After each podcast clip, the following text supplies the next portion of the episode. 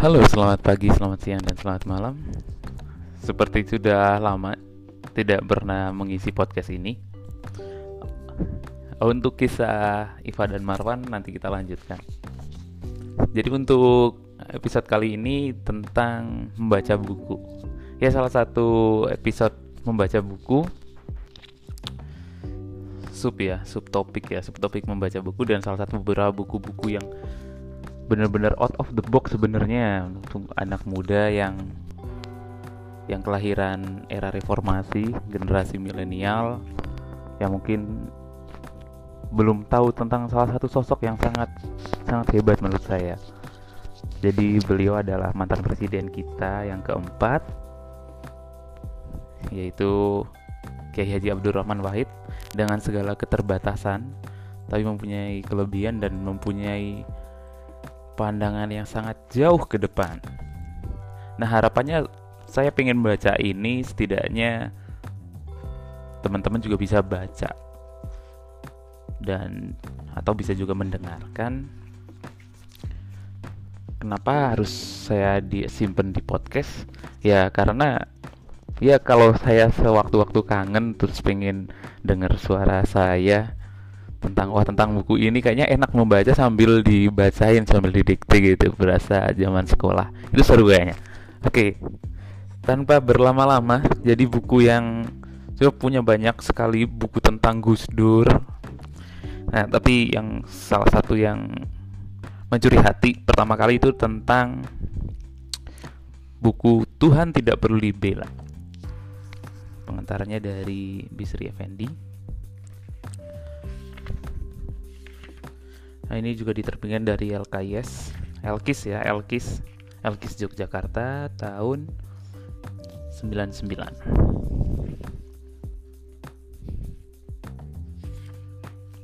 Oke.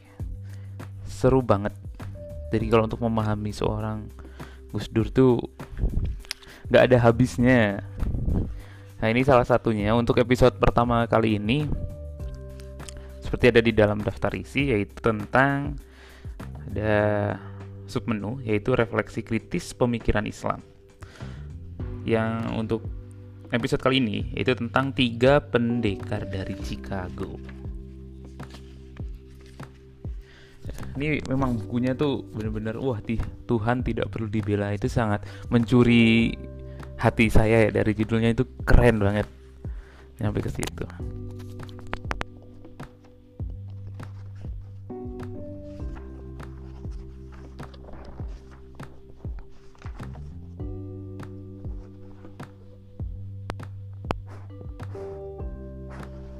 Oke kita mulai Bagian pertama itu tentang refleksi kritis Pemikiran Islam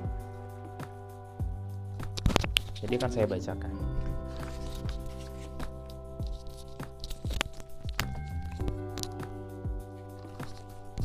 Yang pertama itu tiga pendekar dari Chicago. Generasi pertama cendekiawan muslim dari Universitas Chicago ada tiga orang, yaitu Nurholis Majid, Amin Rais, dan Ahmad Syafi'i Ma'arif. Hingga kini merekalah yang dianggap mewakili angkatan pertama itu, karena belum muncul generasi keduanya.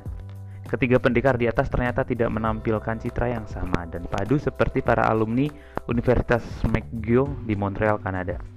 Mafia McGill hampir semuanya menjadi agen pencerahan yang bersikap serba terbuka ter kepada hal-hal baru, termasuk gagasan kerukunan antar umat beragama. Mafia itulah yang kemudian menguasai Departemen Agama sejak Profesor Amukti Ali menjabat Menteri Agama pada tahun 1970-an. Walaupun beberapa dedengkotnya seperti Kafrawi MA dibantai oleh Menteri Agama Alam Syah Ratu Perwira Negara, 1978 sampai 1983. Toh secara keseluruhan mafia tersebut masih kukuh menopang kegiatan departemen itu.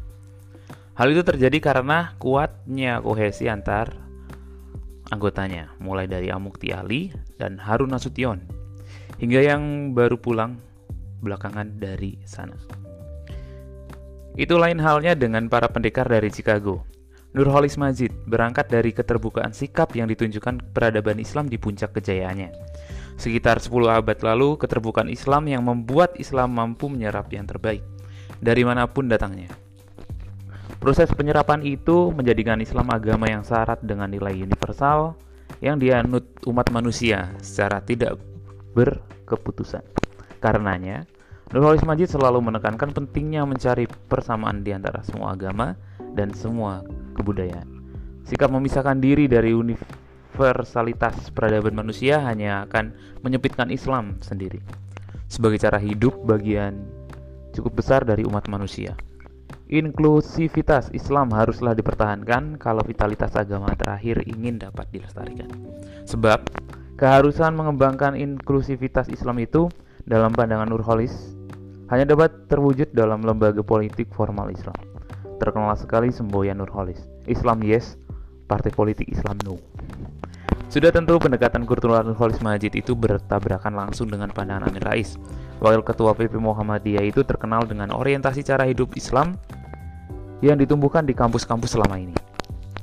Cara hidup tersebut bermula dari kesungguhan berpegang pada Islam sebagai sumber nilai-nilai yang unik. Nilai-nilai tersebut dapat saja dikembangkan umat agama atau paham lain, tetapi sebagai sistem akan memiliki kekhasan sendiri. Menurut pandangan ini, mau tidak mau kaum muslim harus memperhatikan dunia politik yang akan melestarikan kekhasan Islam melalui pelestarian nilai-nilainya dalam sebuah sistem sosial yang utuh. Arti kekuasaan politik menjadi sangat penting sebagai alat upaya pelestarian itu. Itu lain halnya dengan pandangan Ahmad Syafi'i Ma'arif yang tidak begitu risau dengan perspektif kehasan Islam sebagai sebuah sistem seperti anggapan Amin Rais. Ia lebih dekat pada pandangan Nurholis Majid yang mengutamakan aspek kultural Islam. Tetapi sebagai orang organisasi, ia juga menekankan arti penting upaya memasuki pusat-pusat kekuasaan dan memiliki kewenangan pemerintahan. Orang-orang Islam atau Islamic Movement dapat lebih jauh lagi mengembangkan Islam sebagai budaya bangsa. Mungkin akan lebih ges kalau pandangan ini disemboyakan sebagai Islam yes, politik Islam yes. Cukup besar perbedaan antara ketiga pandangan itu, dan itulah yang menjadi ciri kesatuan antara ketiga pendekar Chicago itu. Mereka sama-sama memiliki komitmen untuk mengembangkan Islam sebagai cara hidup dalam bentuk sistematik atau hanya kultural. Mereka juga sama-sama merasakan kebutuhan untuk mengembangkan kemampuan kaum muslim di tengah di segala bidang untuk mengejar ketertinggalan mereka selama ini. Untuk itu mereka sependapat tentang perlunya perubahan mendasar dalam pandangan hidup kaum muslimin, kaum muslim, etos dan disiplin kerja, serta etika sosial mereka dalam merumuskan kelayakan upaya-upaya itu. Itulah terjadi perbedaan dalam kesatuan antara mereka bertiga. Nurholis Majid dalam kegairahan meneguk air kehidupan dari berbagai sumber melontarkan kesamaan dasar antara Islam dan agama-agama besar lainnya yang terwujud dalam nilai-nilai universal yang dimilikinya. Kontan pandangan aneh ini digebuk beramai-ramai oleh kalangan umat dibaca gerakan Islam. Ridwan Saidi dan Daud Rashid mengulitinya tanpa kehasian dan menuntut agar Nurholis bertobat. Sebenarnya kalaupun Nurholis dapat dipersalahkan, hal itu hanya terletak pada generalisasinya atas kesamaan antar Islam dengan agama-agama lain. Ia tidak merumuskan hal itu sebagai sesuatu yang relatif, yang masih memungkinkan Islam dibedakan secara kategoris dari sudut pandang teologis. Bagaimanapun hal itu sebagai sesuatu yang relatif yang masih memungkinkan Islam dibedakan secara teologis, ada perbedaan esensial antara semua agama di dunia karena unikum masing-masing. Namun unikum itu harus dikendalikan dan dipertalikan dengan memberikan perlakuan dan kedudukan yang sama bagi semua warga negara di mata hukum negara. Kalau ini yang dikemukakannya, tentu tak ada yang keberatan terhadap pandangan Nurholis. Yang menarik, kedua pendekar lainnya dari Chicago tidak membelanya dari serangan Ridwan Saidi. Itu berarti di antara mereka tampaknya tidak ada kohesi kuat. Benarkah demikian? Itu tentang tiga pendekar dari Chicago.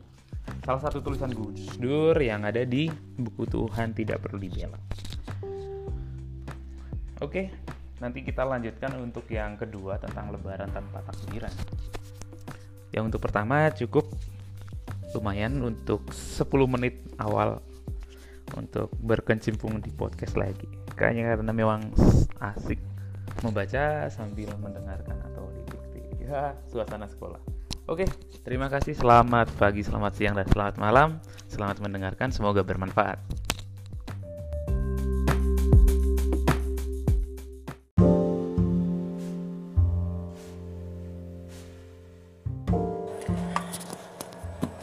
Oke, selamat pagi, selamat siang, dan selamat malam. Kembali lagi di Radio Ruang Makan.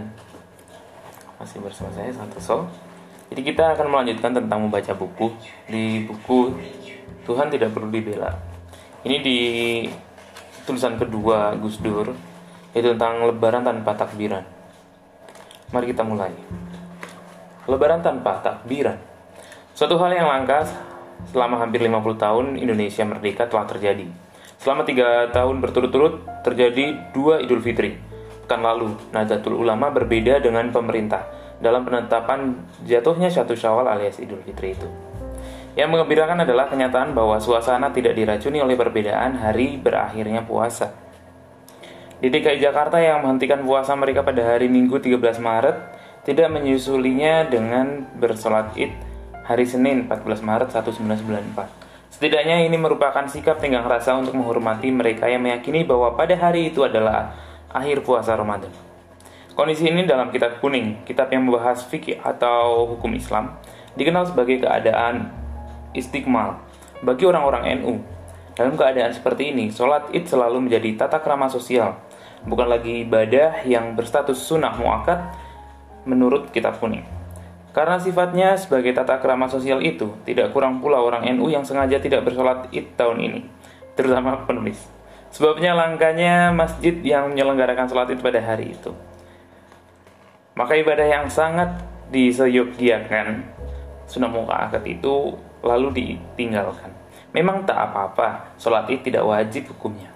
Keadaan di DKI Jakarta berbeda dengan yang terjadi di pantai utara Pulau Jawa, dari Indramayu hingga Banyuwangi. Juga di daerah-daerah lain di Jawa Timur dan Jawa Tengah. Di daerah-daerah tersebut sekitar 65% masjid melaksanakan sholat id pada hari Minggu 13 Maret. Sudah tentu lengkap dengan takbirannya, walaupun tanpa takbiran keliling seperti tahun-tahun lalu. Ini pun menunjukkan adanya sikap menghargai mereka yang masih akan berpuasa pada hari tersebut. Di Jakarta, dengan sendirinya pada Sabtu malam Minggu, itu tidak terdengar takbiran sama sekali. Sekali-sekali kelompok mayoritas Islam di Betawi harus berperilaku seperti kelompok minoritas. Harus tahu diri dan membatasi keinginan di hadapan aparat pemerintahan. Apalagi pada aparat di tingkat kelurahan yang suka memperlakukan pihak yang dianggap salah secara brutal. Mudah-mudahan situasi seperti ini tidak terimbas negatif bagi Golkar dalam pemilu 1997 nanti. Imbas negatif yang datang dari perlawanan terhadap tekanan berlebihan di bidang agama berbedanya NU dan pemerintah dalam menetapkan berakhirnya puasa Ramadan dan jatuhnya Idul Fitri juga merupakan sebuah kenyataan empirik yang sangat menarik bagi kajian antropologi.